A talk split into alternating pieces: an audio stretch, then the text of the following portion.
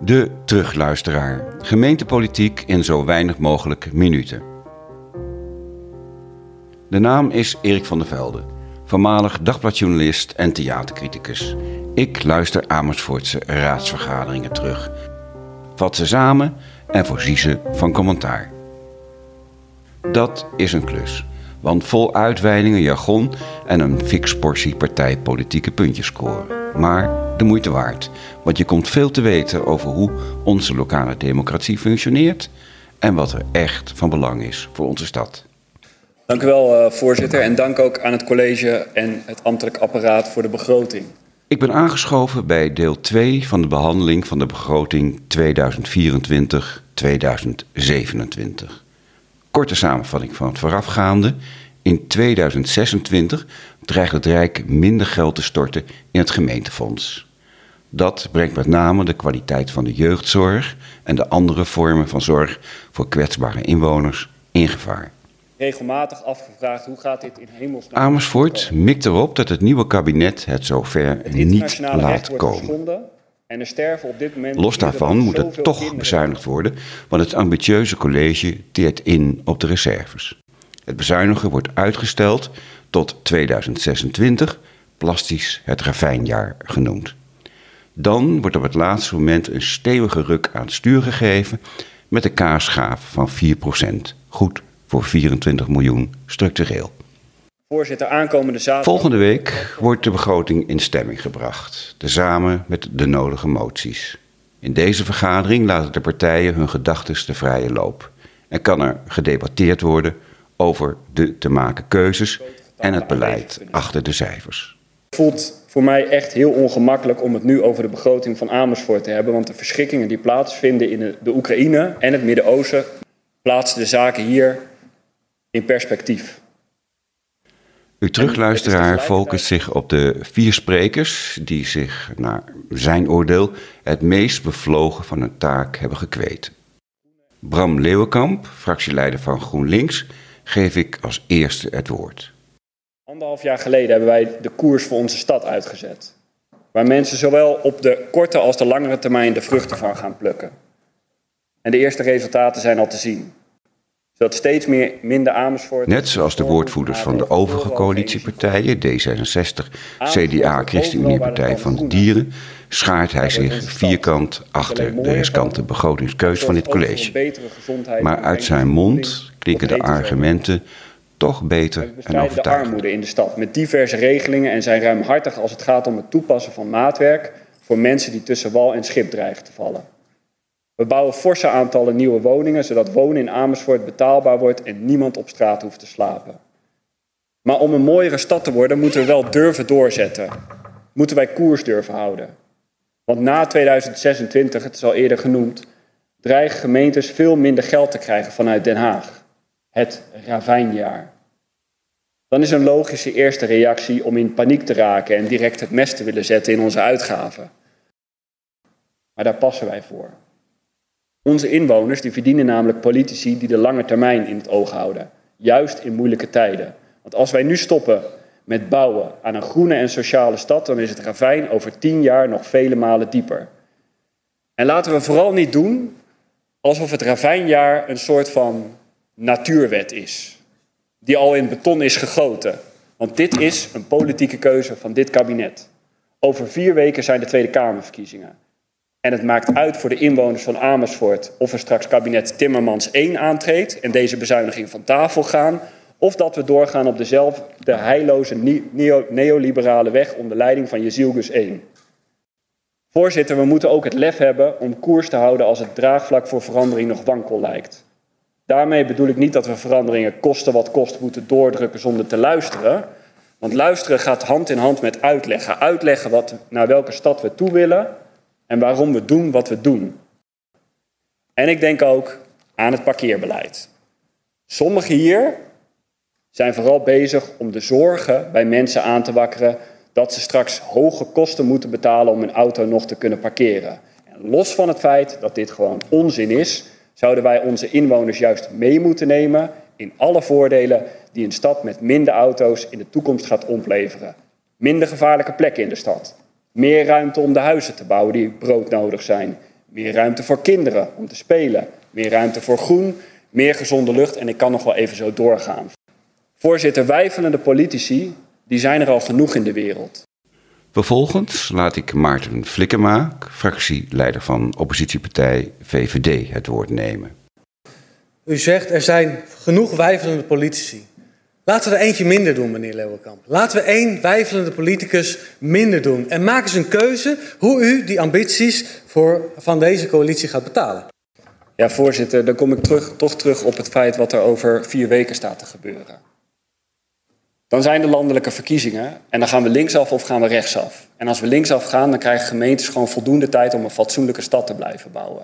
Gaan we rechtsaf, wat u wilt, dan blijven we op dezelfde weg doorgaan en dan gaan de bezuinigingen door. Ik weet dat u dat graag wilt. Wij kiezen echt een andere kant. En we zijn ook heel duidelijk over waar we het halen. We halen bij de mensen die de sterkste schouders hebben. We halen het bij de mensen die de meeste vermogens hebben. Heel duidelijk.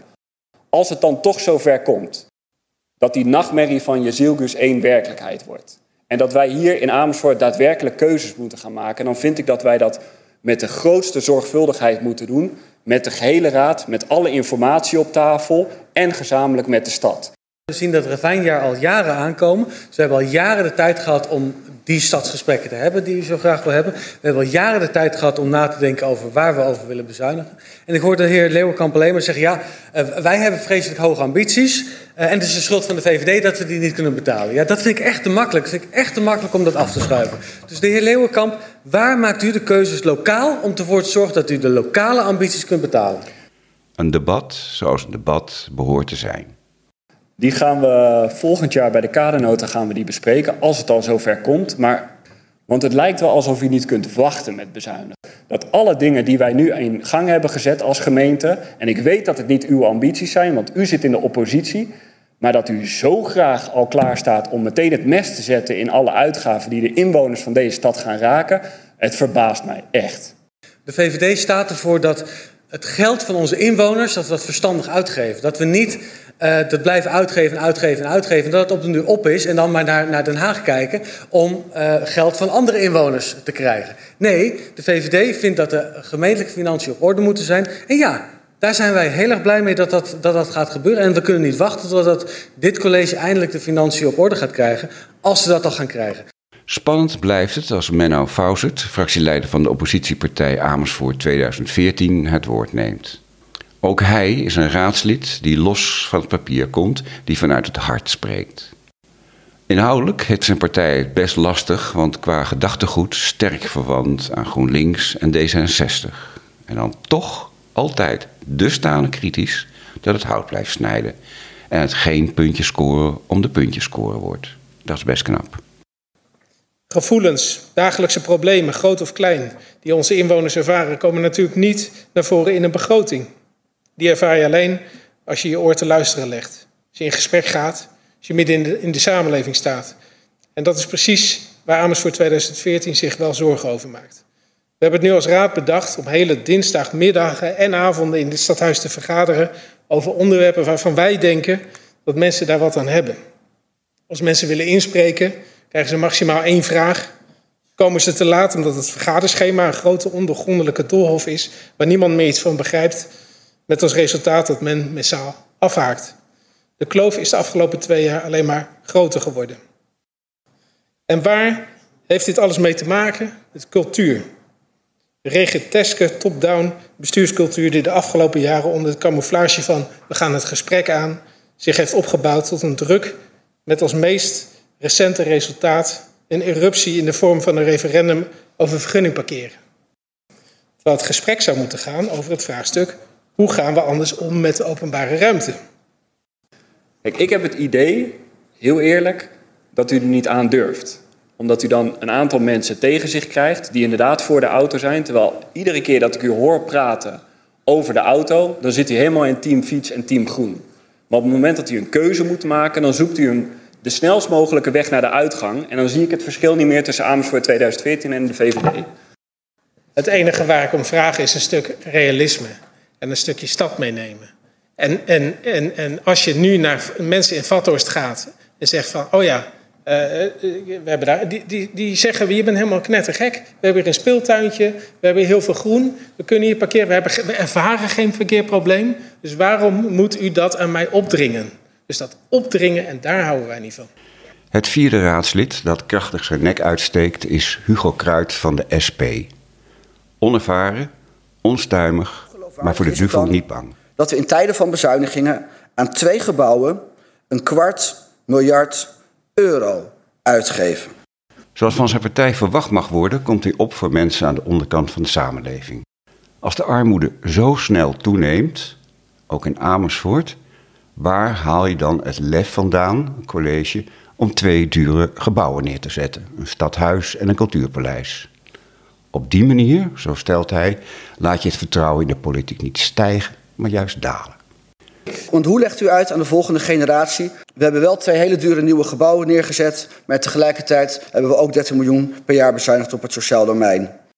Bram Leeuwenkamp reageert als door een adder gebeten. Dat stadhuis mag kruid vinden. Die discussie is geweest, dat gebouw komt er.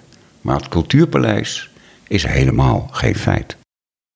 Nergens een besluit overgenomen over dat nieuwe cultuurpodium. Nog helemaal niks. En u slingert een motie deze raad in, die straks door de stad te lezen is, die denken, oh, ze gaan ook dat nog doen. Als u daadwerkelijk het meent dat u zegt, ik wil het vertrouwen in de politiek doen toenemen, dan moet u niet dit soort moties indienen die feitelijk onjuist zijn. Ja, we kunnen daar wel eens niet eens over maken. We hebben het allemaal, de, de tekening van het wastaltige gebouw in de krant zien staan. En ook de kostenplaatsen die erbij hoort. En het is gewoon een ambitie van deze wethouder. Voorzitter, gelooft de heer Kruid alles wat in de krant staat? Dan de heer Fausert. Ja, dan moet, ik de heer, dan moet ik de heer Kruid toch even bijvallen, want het is wel degelijk ook genoemd. Het, u doet net, nu net alsof de heer Kruid verzint dat het nooit over een cultuurpodium is gegaan. Dat is wel degelijk. Ook op de nieuwe locatie van waar dit stadhuis nu staat. Het is alleen nog nooit besloten geweest. Amersfoort 2014 en SP vinden elkaar op dit punt. Menno Fausert concludeert... Nu even geen luxe projecten optuigen. Verleg de ambitie richting de inwoners en bestuur je stad ook met de inwoners. Dat leidt tot meer tevredenheid, wederzijds begrip, betrokkenheid, minder conflicten en meer efficiëntie. D66 mengt zich overigens niet in deze discussie. Dat doet vermoeden dat hun cultuurwethouder Bijholt er niet echt werk van wil maken en het project Nieuw Onderkomen voor Flint, Lieve Vrouw en Fluor parkeert bij de afdeling Stippen op de horizon. Kuit maakt ook de Partij voor de Dieren lastig. Mocht het zo zijn dat er een knetterrechts kabinet aan de wind komt, waardoor Amersfoort toch moet bezuinigen, vindt fractieleider Christian van Barneveld dan dat de zorg gespaard moet blijven. Bent u het dan niet met mij eens dat we dan toch meer zouden moeten bezuinigen op andere domeinen dan het sociaal domein, om het ook hier eerlijk te houden? Een duidelijk antwoord kwam er niet. Al zegt de volgende passage uit zijn beschouwing genoeg. Voorzitter, laten we zoals het coalitieakkoord zegt twee generaties vooruit blijven kijken. En de belangen van dieren, natuur en toekomstige generaties even hard meetellen als de korte termijnbelangen van het hier en nu. En bij de opgave. De zorg voor kwetsbare mensen staat voor deze partij niet boven de zorg voor kwetsbare dieren en kwetsbare natuur.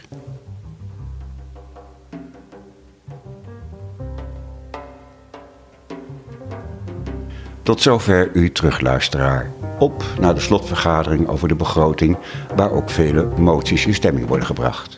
Welgemoed met een tikkeltje zuur en een tikkeltje zoet.